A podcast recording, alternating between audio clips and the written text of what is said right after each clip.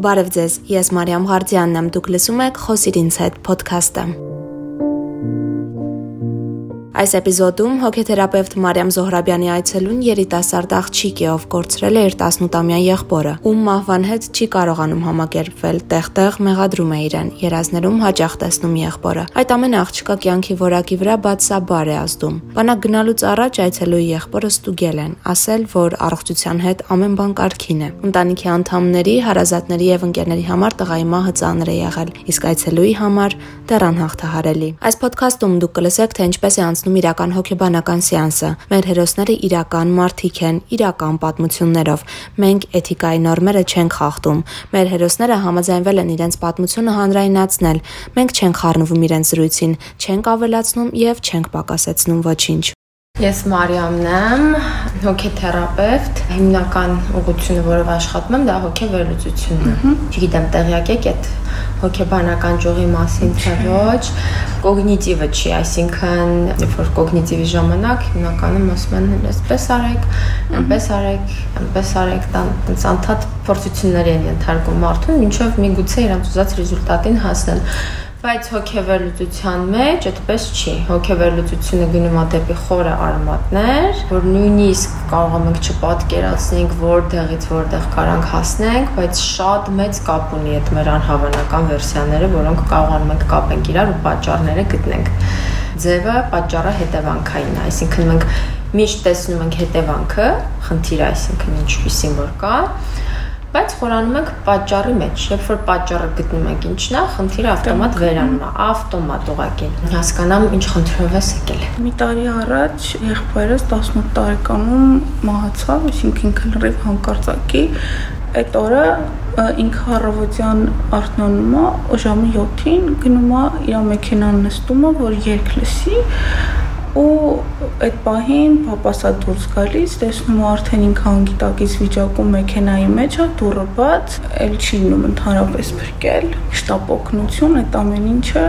բայց ճանապարհին ոչ մի հույս չեն տալիս, արդեն ինքը ճանապարհին մահանում է։ Ես եմ կանչում այդ շտապ օգնությունը, ես տեսնում եմ այդ ամեն ինչը, այդ ամեն ինչը իմ մեջ ինձ աղավոր նստած է։ Դեպքից հետո անընդհատ երազներից մեջ ինքն է, բայց ոչ այդ տարիքում, ավելի փոքր հասակում, անընդհատ եթե ինչ որ գործ անեմ կողքս ոչ մեկ չլինի, չխոսի, ես այդ մտքերով եմ անընդհատ այդ տեսարանն աչքիս մեջ կամ եթե ինչ որ բան սարքեմ, որ հիշեմ իր հետ կապված ինչ որ բանը, անընդհատ անընդհատ մտքերով այդ ամեն ինչի հետ եմ, այդ դեպքի հետ եմ ու չեմ կարող ինձ կտրեմ, չեմ կարող համակերպեմ ու չեմ էլ կարող ինձ համոզեմ, որ արդեն եղել է։ Ու ինձ անընդհատ թվում է, որ ինքը ինչ որ ուրիշ տեղ է ու մի օր հաստատ հետ է գալու ցավում եմ կորստի համար։ Ճիշտ հասկացա, որ քեզ տանջում է ընդհանրად այդ դրվագը, որը որ դու տեսել ես հենց այդ պահին, անընդհատ աչքիդ առաջ է տա լինում։ Այս ինչ զգացողություն է լինում չգիտեմ ոնց որ ինչ որ մի բան ցենց սրտիցս կտրված լինի, չգիտեմ շունչս ա կտրվում այդ պահին, անդադ չգիտեմ ինձ թվում է որ չկամ ես այս աշխարհից վերանում եմ այդ պահին ուղակի հիմա նայ քո խոսքի մեջ դու ասացիր ինձ թվում է ինքը կա ինչ որ հերո տեղա ոնց որ բանալի բառը թվալն է որ քեզ թվում այնք ինչ որ կա ու ինչ որ տեղ է, բայց երբ որ հիշում ես այդ տեսարանը, դու հասկանում ես, որ ֆիզիկապես ինքը չկա, այսինքն ստեղ ոնց որ քո մեջի իրականությունների բախումն է տեղ ունենում, այսինքն դու հասկանում ես ինքը չկա ֆիզիկապես։ Հա, ու բայց համել քեզ թվում է ինքը կա, դու մա ինչ որ հույսեր, սпасելիքներ ունես, մեկ էլ իրականությունը գալիս է, քեզ ասում է մի րոպե, չկա ինքը ֆիզիկապես էլ իհարկե։ Հա կարանք այդպես համարենք, որ այդ բախումն է, որ քեզ ինչ որ վատ վիճակի մեջ է գցում, շունչը տա կտրվում, քեզ Շատ հնարավոր է որտեվ ես ես ինքս հասկանում եմ, որ ես ուղղակի չեմ կարող գիտակցեմ, չեմ կարող անցալեմ, որ ինքը չկա։ Ահա։ Ու ինչ որ անկապ հույսերով, որ ինչ որ հերո տեղը ինձ երևի տենց համոզում եմ, որ համակերպվեմ համակերպվես ինչի։ Նայ, մենք սովորաբար ասում ենք չենք համակերպվում իրենց ֆիզիկական բացակայությանը, չէ՞։ Մենք ասում ենք, «Վայ, չգիտեմ, այս մարդը որ չլինի, ես կգժվեմ»։ Ուղղակի մենք շատ էգոիստ ենք։ Ու եթե այդ ֆիզիկական գոյությունն է լինի, մենք տեսնենք, ելի մեր համար, որտեղ մենք ենք կարոտել, մենք ենք ուզում տեսնենք իրեն։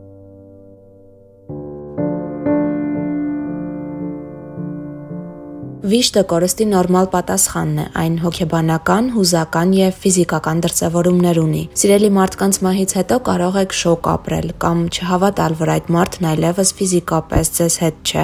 Որոշ մարդիկ այդ վիճակը նկարագրում են այնպես, կարծես իրենք երազում լինեն եւ իրականություն գալն ու կատարվածը պատկերացնելը հաճախ դժվար է լինում։ Հնարավոր է, որ կզգաք դատարկություն, բարկություն, մեղքի զգացում կունենաք, գուցեև հանգստություն գտնեք վերջապես։ Սրանք բոլորն էլ նորմալ զգացողություններ են։ Պետք չէ վախենալ կամ խուսափել նրանցից։ Մի հատ հասկանանք այ եղբայրը ինչ հա տվել էմոցիոնալի մակարդակի վրա քեզ, որ այ առանց դրա դու չես կարողանում հիմա։ Քույր եղբայր կապվածությունը ինձ թվում է շատ մեծ այլի ես էլի ունեմ քուր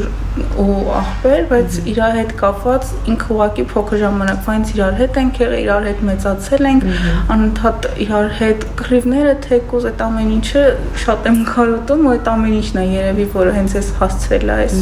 Դες դու նույնիսկ ասիր ես էլի ունեմ քույր աղբայրներ, բայց իրա հետ է հենց ինչի օրինակ են լուսի հետ չի չէ ուրեմն ինքն է ինչ որ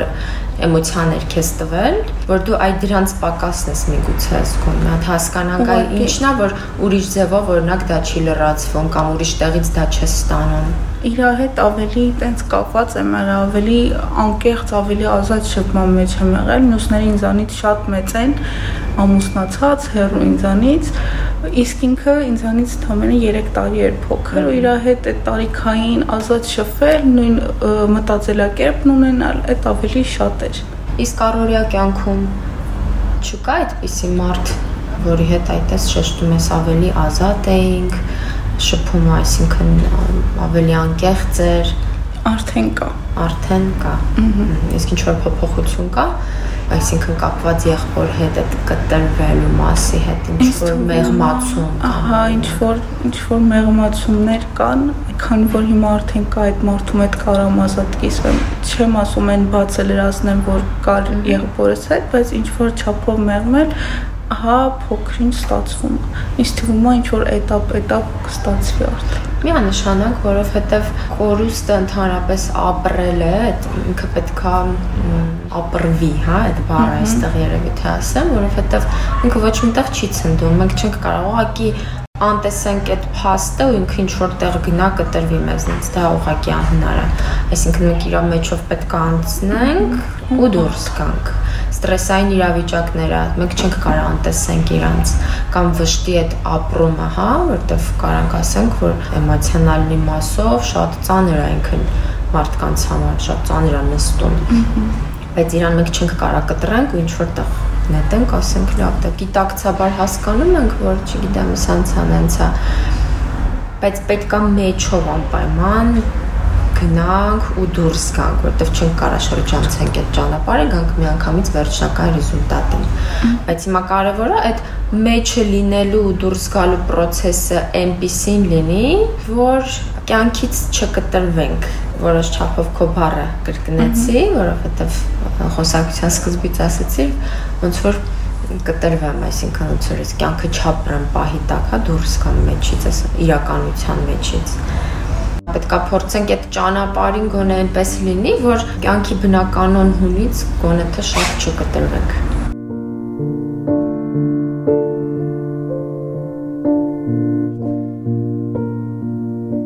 Վիշտը կարող է նաև ֆիզիկական դրսևորումներ ունենալ՝ ախորժակի, քաշի կամ քնի ռեժիմի փոփոխություններ։ Հնարավոր է դժվար լինի վերադառնալ առօրյա գործերին կամ աշխատանքին։ Հիշեք, որ վիշտը հաղթահարելու ճիշտ կամ սխալ միջոց չկա։ Յուրաքանչյուր մարդ անցնում է իր ընտրած ճանապարհով։ Այդ ժամանակ առաջի միտքը որ եղել է, ինչ լինում էր, ինձ հետ լիներ, բայց իրան ոչինչ չլիներ ու չգիտեմ, այդ ահավոր դժվար պահին շատ են օգնել, որովհետև անընդհատ մտքերս ուրիշ տեղեր ու անընդհատ օգնել են, որ ես ուղակի ուշքի կամ հետ կամ կյանքին, որ տես ծնողներդ են մեղք, պետք է ապրես, պետք է ապրես իրա փոխարեն, պետք է ապրես քո փոխարեն, որ այդ բացը շատ չզգացվի ու չգիտեմ, դա էլ է շատ օգնել, որ հիմա ստեղ եմ, որովհետև հաստատ այդ պահին ինչ ասես կարայի անեի իմ հետ, որովհետև չէի գիտակցում ոչ մի բան։ Ահա Սովորաբար լինում են այդպիսի դրսևորումներ, փառք Աստծո, որ պահին աղել են քո կողքի այնպիսի մարդիկ, ովքեր կարողացել են փաստորեն տարբեր ձևերով իհարկե քեզ այդ վիճակից դուրս հանեն։ Դες դու ասիր ավելի մտերի մեկ եղել, ավելի կապված եք եղել իրար հետ, բայց քիչ է այդ ամեն ինչը ոնց որ ինչ որ ուրիշ մասերը կարա լինի, էլի։ Այդտեղ ուզում եմ այդ մի հատ փորփրենք եւ հասկանանք։ Սենց էմոցիոնալ կապված եմ եղել։ Չէ, ինչ է ինքը քեզ տվել,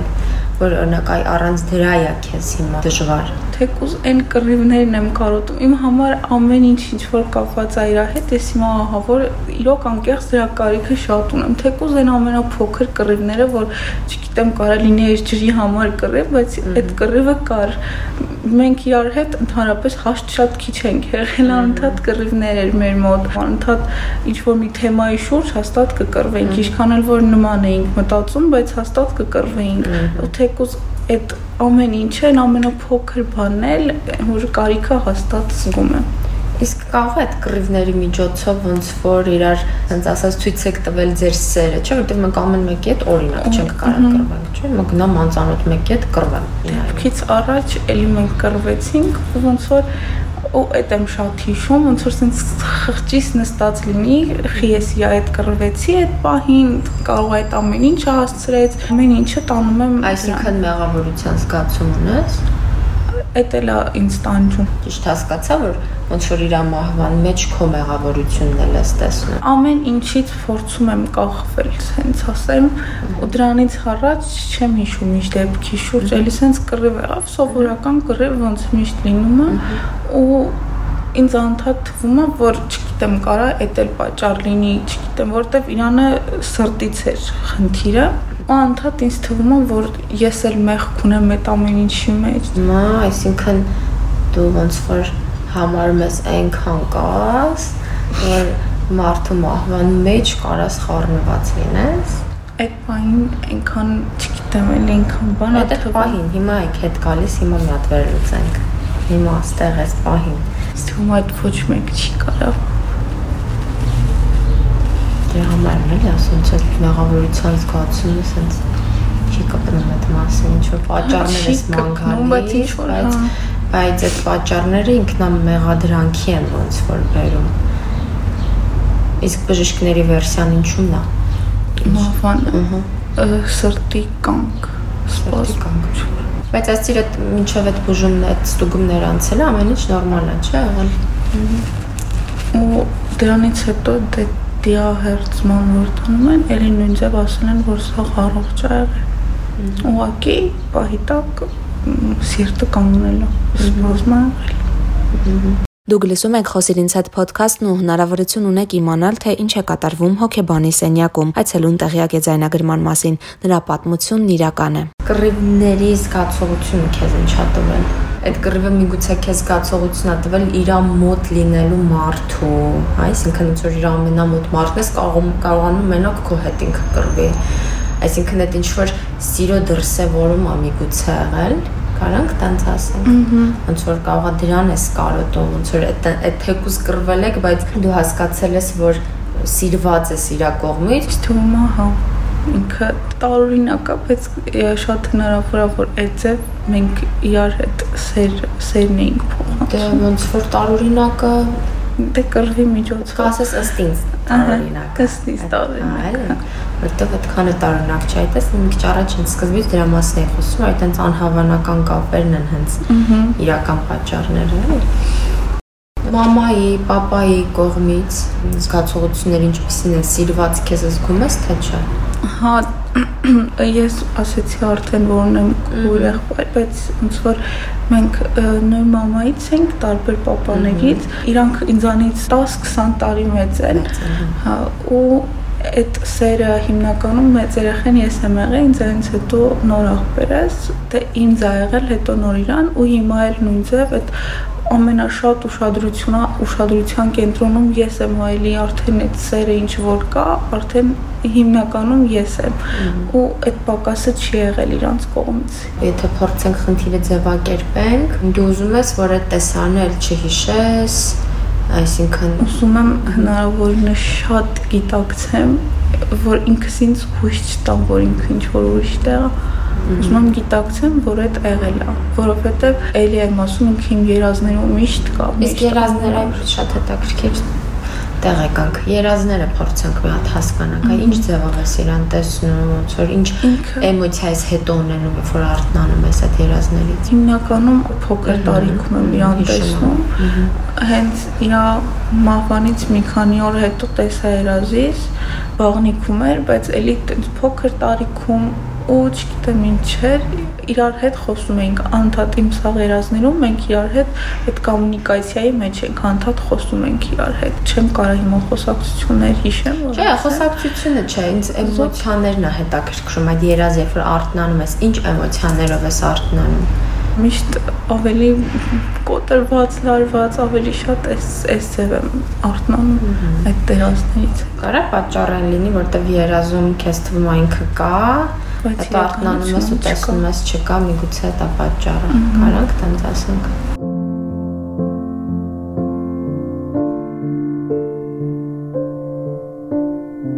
Կորստից հետո առաջին ամիսները կարող են ամենացավալին լինել, բայց ժամանակի ընթացքում զգացումները կփոխվեն։ Ոմանք կարող են ասել, որ կորստի ցավն օրինակ 1 տարի չի թեթևացել։ Իրականում այս ամենը հաղթահարելու համար հստակ ժամկետ չկա։ Յուրաքանչյուր կորուստ եզակի է եւ յուրաքանչյուրն այն յուրովի է զգում։ Մեր հոգեկանի կառուցվածքն է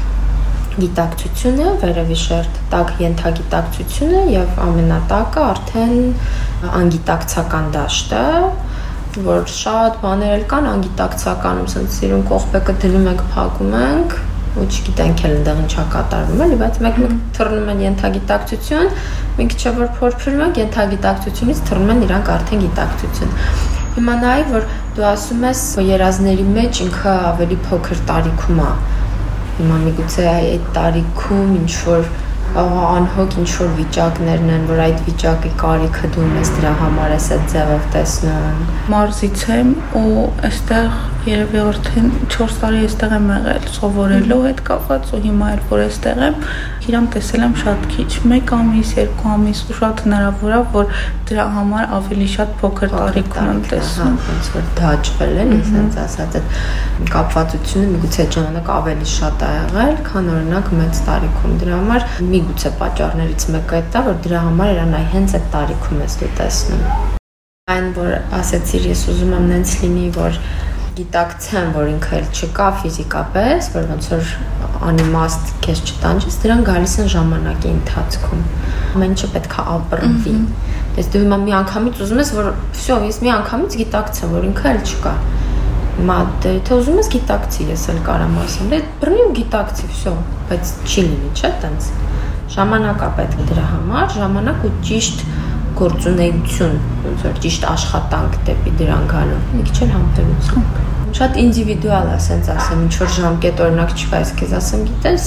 մի քիչ էլ սպասի, չգիտեմ, հեսա մի երկու ժամից արդեն կանցնի։ Հա, մեկի մոտ կարա տևի 3 ամիս, մեկի մոտ 6 ամիս, մեկի մոտ 4 տարի, մեկի մոտ մի տարի։ Ինչ որ փուլերի միջոցով մարդ անցնում, անցնում է ու այդ ամեն ինչից նոր դուրս է գալիս ինչ որ էմոցիա որ գալիս է, ինչ ուզում ես էմոցիան ինձ ասի, որտեղ պատահական չի գալիս ինքը։ Եթե եկել է, հիմա պետքա հյուր եկե, պետքա հասկանանք ինչ է մեզնից ուզում, հետո իմ ճանապարհ ենք էլի իրան, հա, որտեղ այդ քո էմոցիան է։ Ես իմ էմոցիան չեմ քեզ տալիս։ Այդ քո մեջն է, այդ դու ես լրիվ պետք է էմոցիաներին դեմքով ճանաչել, ցանկալի է, պետքա չէ, ցանկալի է ճանաչել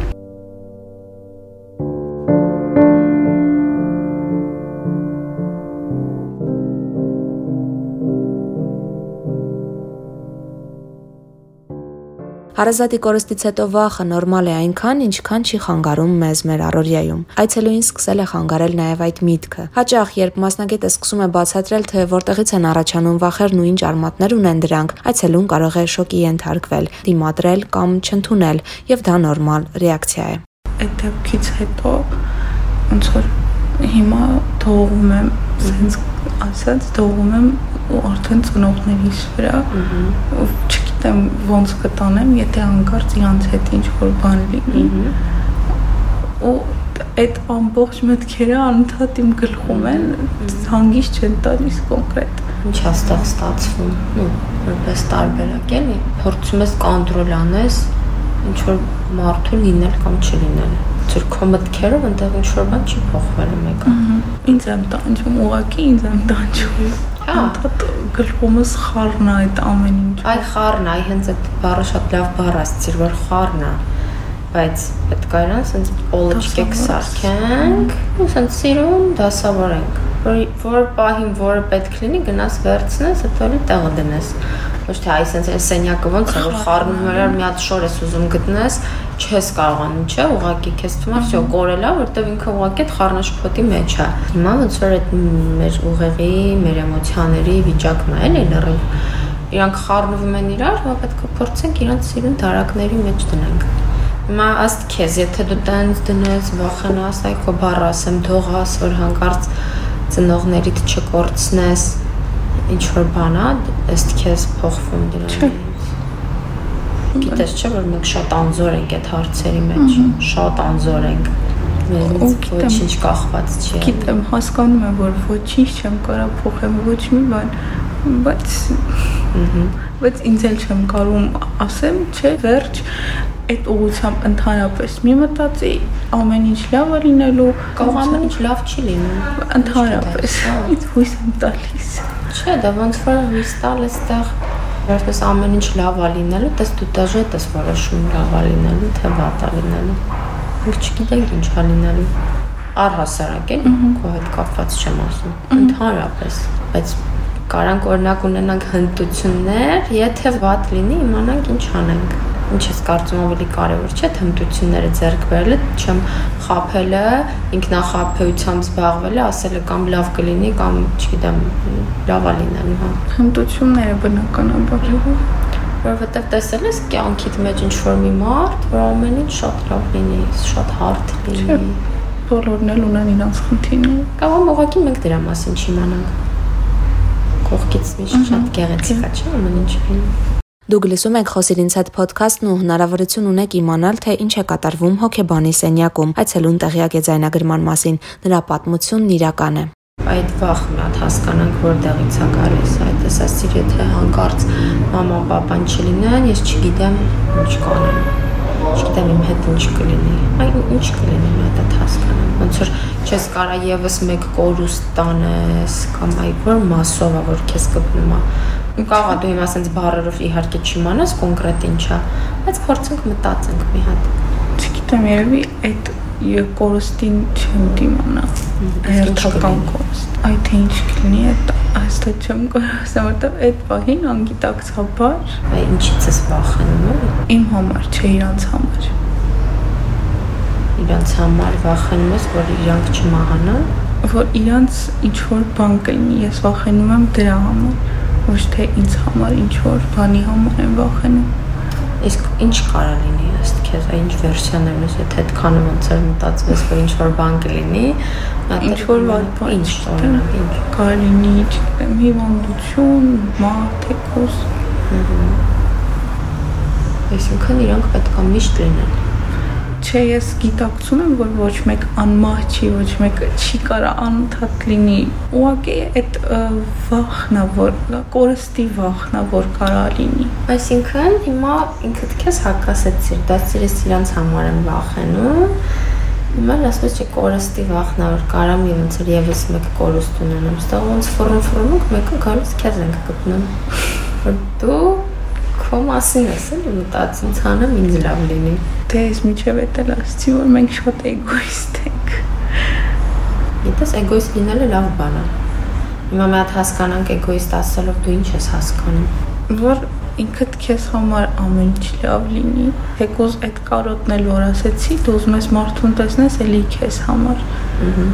որ դու ես կարոտել, ուզում ես կարոտը տառնես։ Ահա։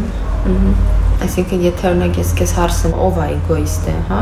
ինչ է նշանակում լինել էգոիստ, այ երկու բառով ոնց փորձես բնութագրես այդ անել ինչ որ բան քեզ համար կամ ինչ որ մի բան լինի, բայց ելի քեզ համար։ Ահա։ Ու ասենք մյուսները 0 են, այսինքն կարևորը դու ես, աշխարհը քո շուրջա պատտվում, այսինքն ոչ թե աշխարհը քո շուրջա պատտվում ու մնացածը ոչ մեկ են մնացածի օգնությամբ, բայց քեզ համար ինչ որ բան լինի։ Հիմա դու էգոիստին ինձ թվում է շփոթում ես էգոցենտրիկի հետ։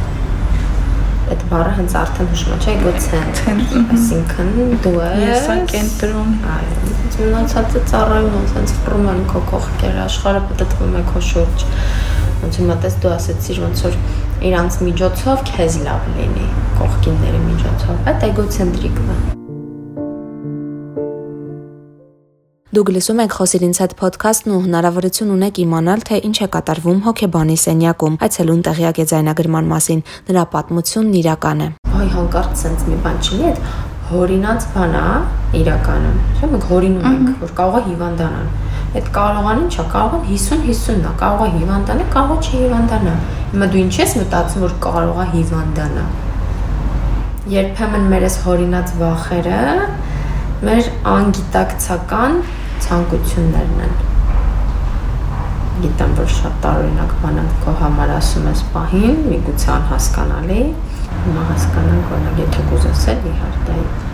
ուր կարանք խորանանք այս մասով։ Իրոք իմ համար sense ահավոր հարցականներ է։ Գիտեմ, հա որտեղ սովորաբար երբ որ շատ-շատ են էլի sense կարողաներ լինում, երբ որ ասում են պացիենտները, միշտ զարմանում եմ, բայց այդ աքսիոմա է, էլի այսինքն թեորեմա չի որ դնենք ապացուցենք իրանիքո աքսիոմա է որ այդ մեր հորինած կարողաները մեր անգիտակցական ընտակի շերտն է հիշում ես չէ ամեն ատակի եմ որ ասած կողպեկը գցած փակած է տիպից բզենք որ դուրս գա ենթագիտակցություն հետո գիտակցություն մեր անգիտակցական ցանկություններն են դրանք կարաս իմ ինչ որ բան չասես իհարկե որովհետև հասկանում որ դժվար է մարսել այդ ասածը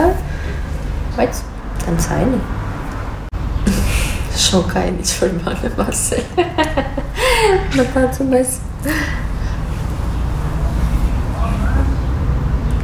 Դե հա։ որ պահը դե հա շոկային կար, հա։ Դե հիմա պատճառները պետք է շատ խորանանք որ գտնենք, թե ինչի կարա տենց լինի մեկ-մեկ վախենալու էլ է դաժ գիտակցել այդ ամեն ինչը իրականում, այսինքն մեկ-մեկ կարանք ինքներս մեզ էլ դա չխոստով անենք, հա, այսպես ասած, մի քիչ չակերտների մեջ, որ ոնց կարանք մենք այդպիսի բան թույլ տանք, չգիտեմ, ասած ինչ որ բանը։ Բայց ուրեմն ունեն իրանց պատճառները ոչ գիտակցական։ Հա, իրանց դժվար է ջրիերես հանելը տենց Բարձր հիմա չի կար ասել, հա, գիտես ինչ, մեկ-մեկ ինձ բռնացնում եմ այս մտքի վրա, որ կարա տենց բան լինի, կամ կարող ուզում եմ այդ, կամ կարող չգիտեմ, պահի տակ մաման ու papan այստեղս են հասցրել, օրինակ էլ ինչ որ սիտուացիայում պահի տակ կարող է իրոք տենց մտքովս անցնում է, բայց դե ես էլ դա հո չգիտեմ, դասիրակված, գիրտ, հա, ասենց ինչ որ արժե համակարգով մարդ եմ, ոնց կարամ ես իմ ծնողների մահոզեմ Ես որտեվ sense հակասող բաներ կարա լինի, էլի։ Ու մենք sense ճնշում ենք մեր այդ միտքը, սիրուն տանում ենք տակ են մեկ-մեկ որ ավլում ենք կամ ինչ որ տենց տուն ենք, է մի հատ փոշել, ասես լավ ավես չի, դες բրտում են դիվանի հետևը։ Ոնց էր։ Այս փոշին ջրերս է դուրս գալիս, փոխանակ մակրենք, հասկանանք խի եկավ, ես որտեղից եկավ։ էլ բրտում ենք, sense ծակերն ենք մտցնում, որ չերևա որտեվ ամոթա չէ որ փոշիներևա այսպիսի բան կա օրինակ հիմա sense նստած լինեմ ասեմ բա որ ես զանավեսկոն հիմա չգիտեմ ընկնի ես կարնիզը գլխիս ու ես դրանից ահավոր վախենամ ես հորինում եմ կարող ուզում եմ իրոք իրականում որ ես կարնիզը ընկնի գլխիս կպնի թե հիմա խի եմ ուզում դա հարցի ուրիշ կողմն է Աղոզում եմ ընկնի գլխիս մի հատ ստեղ սցենա սարքեմ, խժոցից դնեմ ուշադրություն գրավեմ, մարդիկ անտենան ես ստեղ եմ բան։ Հասկացա՞ր։ Ուրա տանում էլի։ Մի քիչ խառ օրինակներ եմ բերում, բայց որ հասկանաս որտեղից ուր կարանք գնանք։ Դուք լսում եք Խոսիր ինձ հետ ոդքասթն ու հնարավորություն ունեք իմանալ, թե ինչ է կատարվում հոկեբանի սենյակում։ Այցելուն տեղյակ է ձայնագրման մասին։ Նրա պատմությունն իրական է։ Չգիտեմ, որտեվ մեր աշխատանքը ինչքանով կշարունակվի եւ այլն, որտեվ ինքը ասում եմ պսիխանալիզմը երկար շատ աշխատանք է, որտեվ աշխատում է ենթագիտակցության հետ, աշխատում է անգիտակցականի հետ, դու լնա ինչքան շերտեր փորելով պետքա իջնենք, որ այդ ամեն ինչին հասնենք։ Ինքը երկար աշխատանք է, շատ հետաքրքիր աշխատանք է։ Ինքդ քեզ ճանաչելու համար, հասկանալու քո էմոցիաները։ Շատ ժամանակ մեկ ինքներս մեզ չենք հասկանում։ Ինչ որ բաներ զգում ենք, չգիտեմ, բայց չենք հասկանում որտեղից ինքը եկավ, ինչ ա ուզում ասի, որ եկավ, ինչ ա ուզում սովորացնի դրանով։ Ինչ որ վերսիաներ կան։ Մտքերի հետ կապված։ Կա ինչ որ բան էլի ասելու, ավելացնելու, ես ինչ որ մի բան էլ ասես։ Չէ, այդքան այս տանջում։ Այդքան։ Արանք ուրեմն ընդհատվենք այսօր, եթե ինչ որ բան չունես ավելացնելու։